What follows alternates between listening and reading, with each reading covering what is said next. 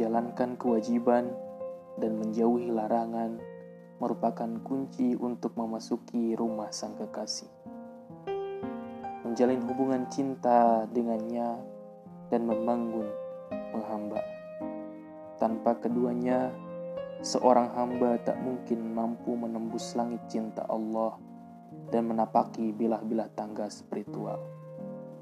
Demikianlah apabila para penghamba yang arif menempuh jalan menuju sang kekasih. Inilah pesan hikmah Islam untuk kita.